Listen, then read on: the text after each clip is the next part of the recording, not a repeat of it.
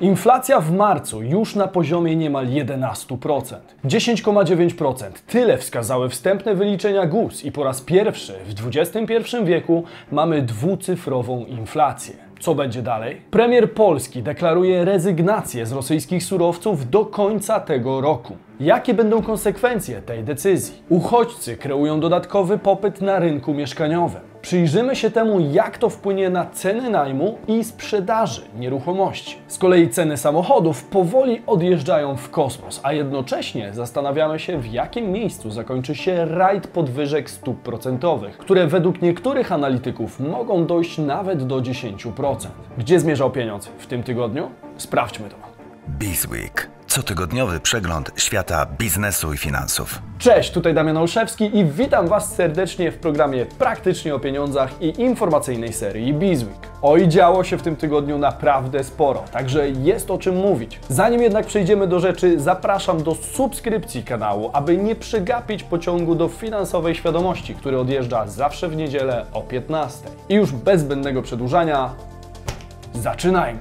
Dwucyfrowa inflacja w Polsce. Stało się. Inflacja w Polsce oficjalnie jest dwucyfrowa i wyniosła w marcu 2022 roku aż 10,9%. Jest to najwyższy poziom od lipca 2000 roku, czyli od blisko 22 lat. W porównaniu z poprzednim miesiącem ceny wzrosły o 3,2%. Powoli niestety trzeba się przyzwyczajać do takiego odczytu, ponieważ istnieje wysokie prawdopodobieństwo, że inflacja pozostanie dwucyfrowa przez dalszą część roku. Tym razem wzrost cen w kraju przyspieszył głównie głównie przez gospodarcze skutki wojny na Ukrainie. Przede wszystkim należy tutaj wyróżnić słabnącego złotego, rosnące ceny surowców energetycznych, a także coraz to droższą żywność. Ankietowani przez Pub Business analitycy oczekiwali wzrostu ceny w marcu o 10,1% rok do roku i wzrostu o 2,5% miesiąc do miesiąca. Jak widać, konsensus rynkowy nie doszacował potencjału wzrostowego inflacji w Polsce. W nadchodzących miesiącach spodziewamy się dynamicznego wzrostu cen żywności. Rosyjska agresja na Ukrainę doprowadziła do skokowego wzrostu cen pszenicy i pozostałych zbóż. Zerwany został także handel nawozami między Unią Europejską i Rosją, twierdzą analitycy Polskiego Instytutu Ekonomicznego. Wspominałem o tym ryzyku w jednym z poprzednich odcinków, gdzie mówiłem o znacznej roli Rosji i Ukrainy w światowym eksporcie zbóż. Powróćmy do tego na moment. Ukraina jest czwartym na świecie eksporterem pszenicy, zapewniając 9% produkcji przeznaczonej na eksport. Rosja natomiast pierwszym z wynikiem 18%. Zasianie pól na Ukrainie będzie raczej niemożliwe, a Rosja natomiast może celowo ograniczyć eksport, stabilizując rynek wewnętrzny. Jak widzicie, nie tylko zależność od rosyjskich surowców stanowi czynnik pobudzający inflację. Państwa objęte konfliktem są również wiodącymi dostawcami podstawowych zbóż. Zaburzenia u tak dużych eksporterów musiały zakończyć się wzrostem cen pszenicy, słonecznika i innych produktów, a w konsekwencji kolejnym szokiem cenowym, który zobaczymy już niebawem w piekarniach. Dajcie znać w komentarzu, ile kosztuje obecnie chleb w Waszej okolicy, tak żebyśmy mieli porównanie za miesiąc, dwa czy kwartał. Polska odchodzi od rosyjskich surowców. Premier Mateusz Morawiecki zapowiedział podczas środowej konferencji prasowej odejście od importu rosyjskiego węgla w kwietniu lub maju oraz od rosyjskiej ropy i gazu do końca tego roku. Z tej okazji stworzyłem dla Was cały odcinek mówiący o tym, czy w ogóle jest to możliwe i jakie będą tego konsekwencje dla rynku. Znajdziecie go tutaj oraz na karcie końcowej filmu. O ustawie ograniczającej import rosyjskiego węgla premier wyraził się następująco. Kierujemy ją do parlamentu i wraz z podpisem pana prezydenta nałożymy całkowite embargo na węgiel.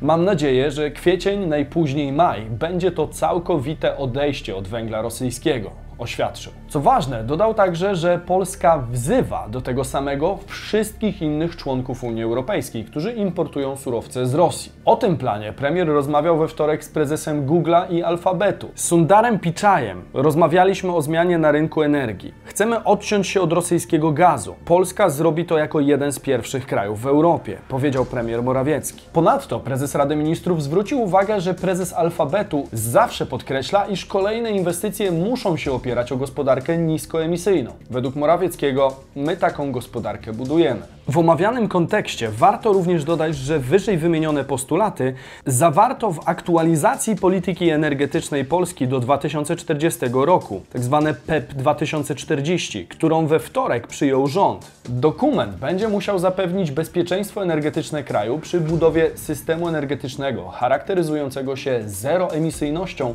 oraz równocześnie przy maksymalnym ograniczeniu importu rosyjskich surowców. Polska na szczęście nie pozostaje jedyna w dążeniu do odcięcia Rosji od jej wpływów surowcowych. Dla przykładu, w piątek 25 marca minister gospodarki Niemiec Robert Habeck zapowiedział, że Niemcy do lata 2022 roku prawdopodobnie zmniejszą o połowę import rosyjskiej ropy, a na przełomie lata i jesieni będą mogły zrezygnować z dostaw rosyjskiego węgla. Przyszłość pokaże, ile w tym prawdy. Ponadto według ministra Habecka uniezależnienie się od rosyjskich dostaw powinno być możliwe do lata 2024 roku. Co ważne, gospodarki europejskie są na różnym poziomie zależności od rosyjskich surowców, a niektóre nie mają wypracowanych alternatywnych ścieżek dostaw. Dlatego nagła zmiana jest dla nich bardzo problematyczna. Polska, startując z dość dobrze zdywersyfikowanej pozycji, względnie przygotowanej na to, co nadchodzi, może realnie przewodzić europejskiej transformacji energetycznej. Państwa mniej wydolne co do alternatyw mogą także zaopatrywać się w brakujące surowce u nas, co podkreśli nasze znaczenie w regionie. W tej niezwykle ważnej sytuacji kluczowa jest jednogłośność decydentów państw członkowskich Unii Europejskiej. W razie wyłamywania się poszczególnych państw z odstąpienia od rosyjskich nośników energii, w ręce Polaków powinien też wpaść solidny argument polityczny, który w międzypaństwowych rozgrywkach będzie brzmiał mniej więcej tak. My odeszliśmy od krwawych surowców, a wy nadal wspieracie wojnę na Ukrainie. To będzie potężna karta, której wyciąganie może ułatwić nam negocjacje z Unią, chociażby w przypadku Krajowego Planu Odbudowy. Nie można zapominać, że na naszym poziomie taka transformacja będzie kosztowna i odczujemy ją choćby na stacjach paliw. Problem stanowi główna zmiana kierunku dostaw ropy, bo rosyjski węgiel nie ma większego znaczenia na poziomie polskiej gospodarki, a gaz do końca roku powinien popłynąć z Norwegii za pomocą Baltic Pipe. Natomiast to, że wykonamy ten ruch jako jedni z pierwszych, pozwoli nam na przygotowanie całej infrastruktury logistycznej i dogadanie warunków z innymi dostawcami wcześniej niż większość peletonu. Jak to wyjdzie w praktyce, to już zależy od rządzących, ale podwaliny pod ten ruch mamy całkiem porządne. Miejmy nadzieję, że coraz więcej państw postawi na jeszcze bardziej twardą politykę wobec Putina, w szczególności w aspekcie energetycznym. Uchodźcy wykreują dodatkowy popyt na mieszkania. Według środowej analizy PKO BP podaż mieszkań na wynajem spadła nawet o ponad 70% w ciągu miesiąca, co jest ogromnym szokiem dla tego rynku. Miało to miejsce przede wszystkim we Wrocławiu, Krakowie, Gdańsku i Lublinie, a w Warszawie, czyli na największym rynku, oferta mieszkań na wynajem spadła o ponad połowę. Analitycy przyznają, że sytuacja ta jest bezprecedensowa i znacząco odbiega od obserwowanych wahań sezonowych dostępności mieszkań na wynajem. Jakie mogą być przyczyny takiego stanu rzeczy? Pierwszą jest podwyżka stóp procentowych oraz najnowsze zalecenia KNF-u dotyczące stosowania pięciopunktowego buforu na wzrost stóp procentowych przy wyliczaniu zdolności kredytowej. Sprawiło to, że osobom myślącym o zakupie mieszkania po prostu zabrakło zdolności kredytowej i ich uwaga została automatycznie przekierowana na rynek najmu. Część kredytobiorców wstrzymuje się z zakupem, słysząc o zwiększających się ratach u znajomych czy krewnych i o prognozach, że to się wcale nie zmieni. Drugą kwestią jest z pewnością ogromny napływ uchodźców do Polski. Właściciele wycofali dużą część zasobu z rynku, aby ulokować w nim uchodźców, co wsparł rządowy program pomocy finansowej dla przyjmujących uchodźców. Z drugiej strony sami uchodźcy wygenerowali impuls popytowy na tym rynku, stwierdzono w analizie PKO BP. W efekcie w ocenie banku dostępność mieszkań na wynajem istotnie spadła, a co może najważniejsze, analitycy PKO BP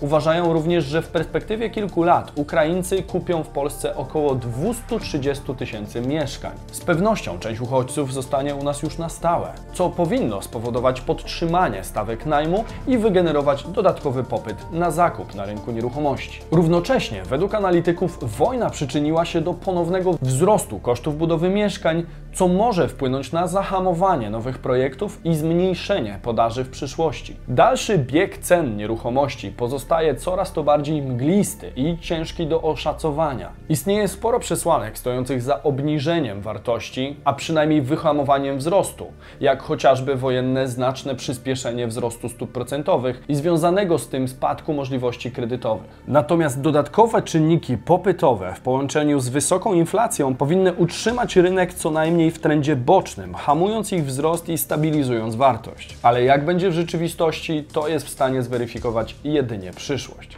Bezrobocie w Unii Europejskiej najniższe w historii. Polska wiceliderem stawki. W 20-letniej historii badania przez Eurostat stopy bezrobocia w strefie euro po raz pierwszy mamy do czynienia z tak niskim odczytem. Stopa bezrobocia w strefie euro wyniosła 6,8%, a w całej Unii Europejskiej wyniosła 6,2%, co również stanowi за минимум. Na wiele rzeczy możemy narzekać, ale coraz ciężej narzekać na brak pracy, jeżeli ktoś rzeczywiście chce tą pracę odnaleźć. Najniższe bezrobocie Eurostat oszacował w Czechach 2,4%, w Polsce 3% oraz w Niemczech i na Malcie po 3,1%. Najwyższe bezrobocie odnotowano natomiast w Hiszpanii 12,6%, Grecji 11,9% oraz Włoszech 8,5%. Bardzo może cieszyć nas fakt, że jesteśmy wiceliderem w Unii Europejskiej pod względem najniższego odczytu bezrobocia według metodologii Eurostatu. Jest to na szczęście stały efekt, co bez wątpienia ma przełożenie na siłę naszej gospodarki. Warto również pamiętać, że w Polsce stale potrzebujemy nowych rąk do pracy, co może świadczyć o tym, że de facto jeśli ktoś chce u nas znaleźć pracę, to nie powinien mieć z tym większych problemów. Oczywiście z drugiej strony rozumiem to, że wysokie szanse na posiadanie pracy nie zawsze przekładają się na odpowiednią płacę. Natomiast start na rynku pracy mamy niewątpliwie dość uprzywilejowany, a dalsza ścieżka zawodowa zależy już w dużej mierze od nas samych. Ostre przyspieszenie w cennikach aut. W ciągu ostatnich czterech lat średnia cena nowego auta wzrosła o ponad 40%, a końca podwyżek nie widać. Instytut Badań Rynku Motoryzacyjnego SAMAR poinformował, że średnia ważona cena wyniosła 143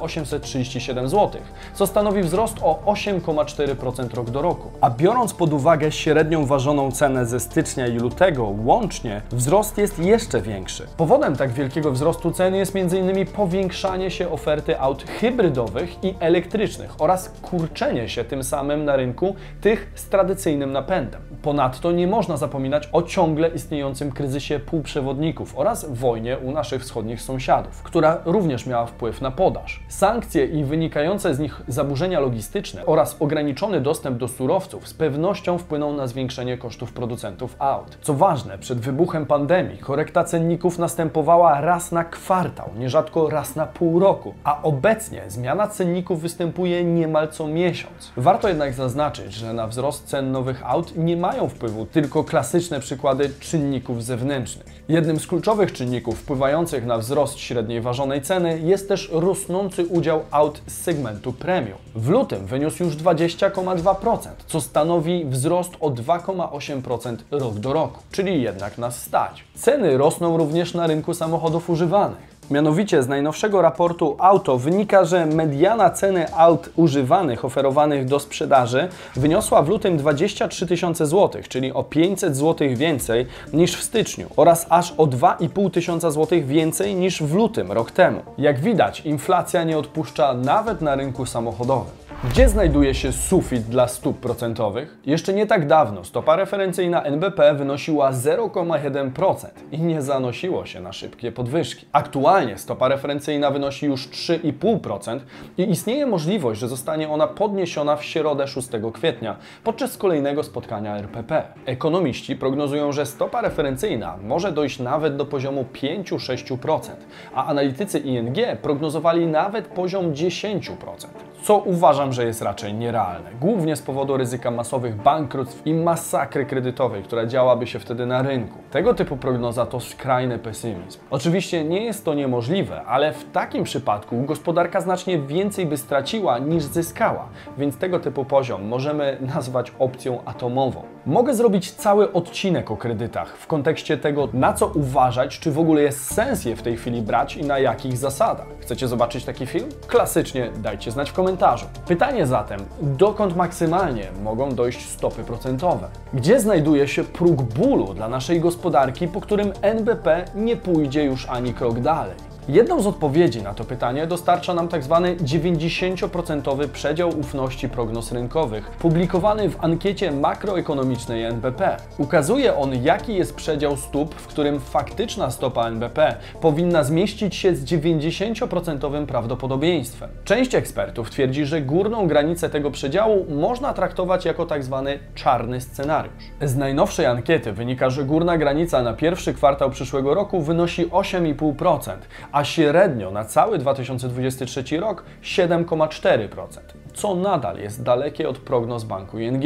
A przypomnijmy, że mówimy o czarnym scenariuszu dla tych przedziałów. Analityków ING może po części bronić fakt, że w przypadku stopy procentowej na poziomie 10% oraz inflacji o podobnym odczycie, realna stopa procentowa byłaby bliska zera. Rozumiem intencje, warto jednak zaznaczyć, że zerowa realna stopa procentowa przy oczekiwanej inflacji 10% jest czymś zupełnie innym niż w przypadku oczekiwanej inflacji na poziomie 2%.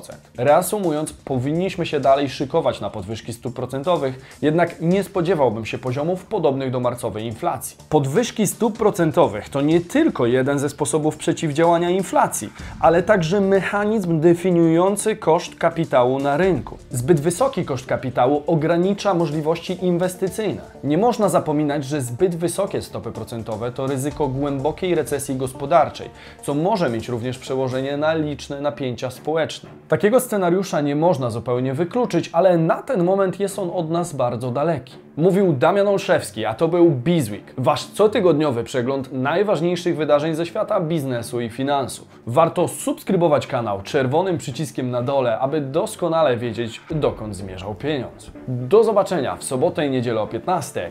Cześć!